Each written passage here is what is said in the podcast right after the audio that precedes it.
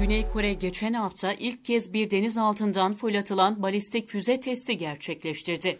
Naval News'te yer alan haberde Güney Kore'nin geçen hafta ilk kez deniz altından fırlatılan balistik füze ateşlediği ve testin başarıyla tamamlandığı ifade edildi. Gerçekleştirilen balistik füze testiyle ilgili pek bilgi verilmezken, test edilen balistik füzenin 500 kilometre menzile sahip Hoynmur-Haybe füzesinin bir çeşidiyle yapıldığı aktarıldı. Ayrıca haberde balistik füzenin Temmuz ayı içerisinde Güney Kore donanmasına teslim edilecek olan balistik füzeler için dikey fırlatma sistemine sahip ilk denizaltı olarak bilinen 3000 tonluk Dosunan Chanhu sınıfı denizaltısından fırlatıldığı öne sürüldü. Bu testle Güney Kore, kendi balistik füzelerini tasarlayabilen ve sahada kullanabilen ülkeler arasına girmeye bir adım daha yaklaştı. Bugüne kadar balistik füze tasarlayan tüm ülkelerin nükleer güce sahip oldukları bilinirken, Güney Kore, nükleer güce sahip olmayıp balistik füzelere sahip olan tek ülke olacak.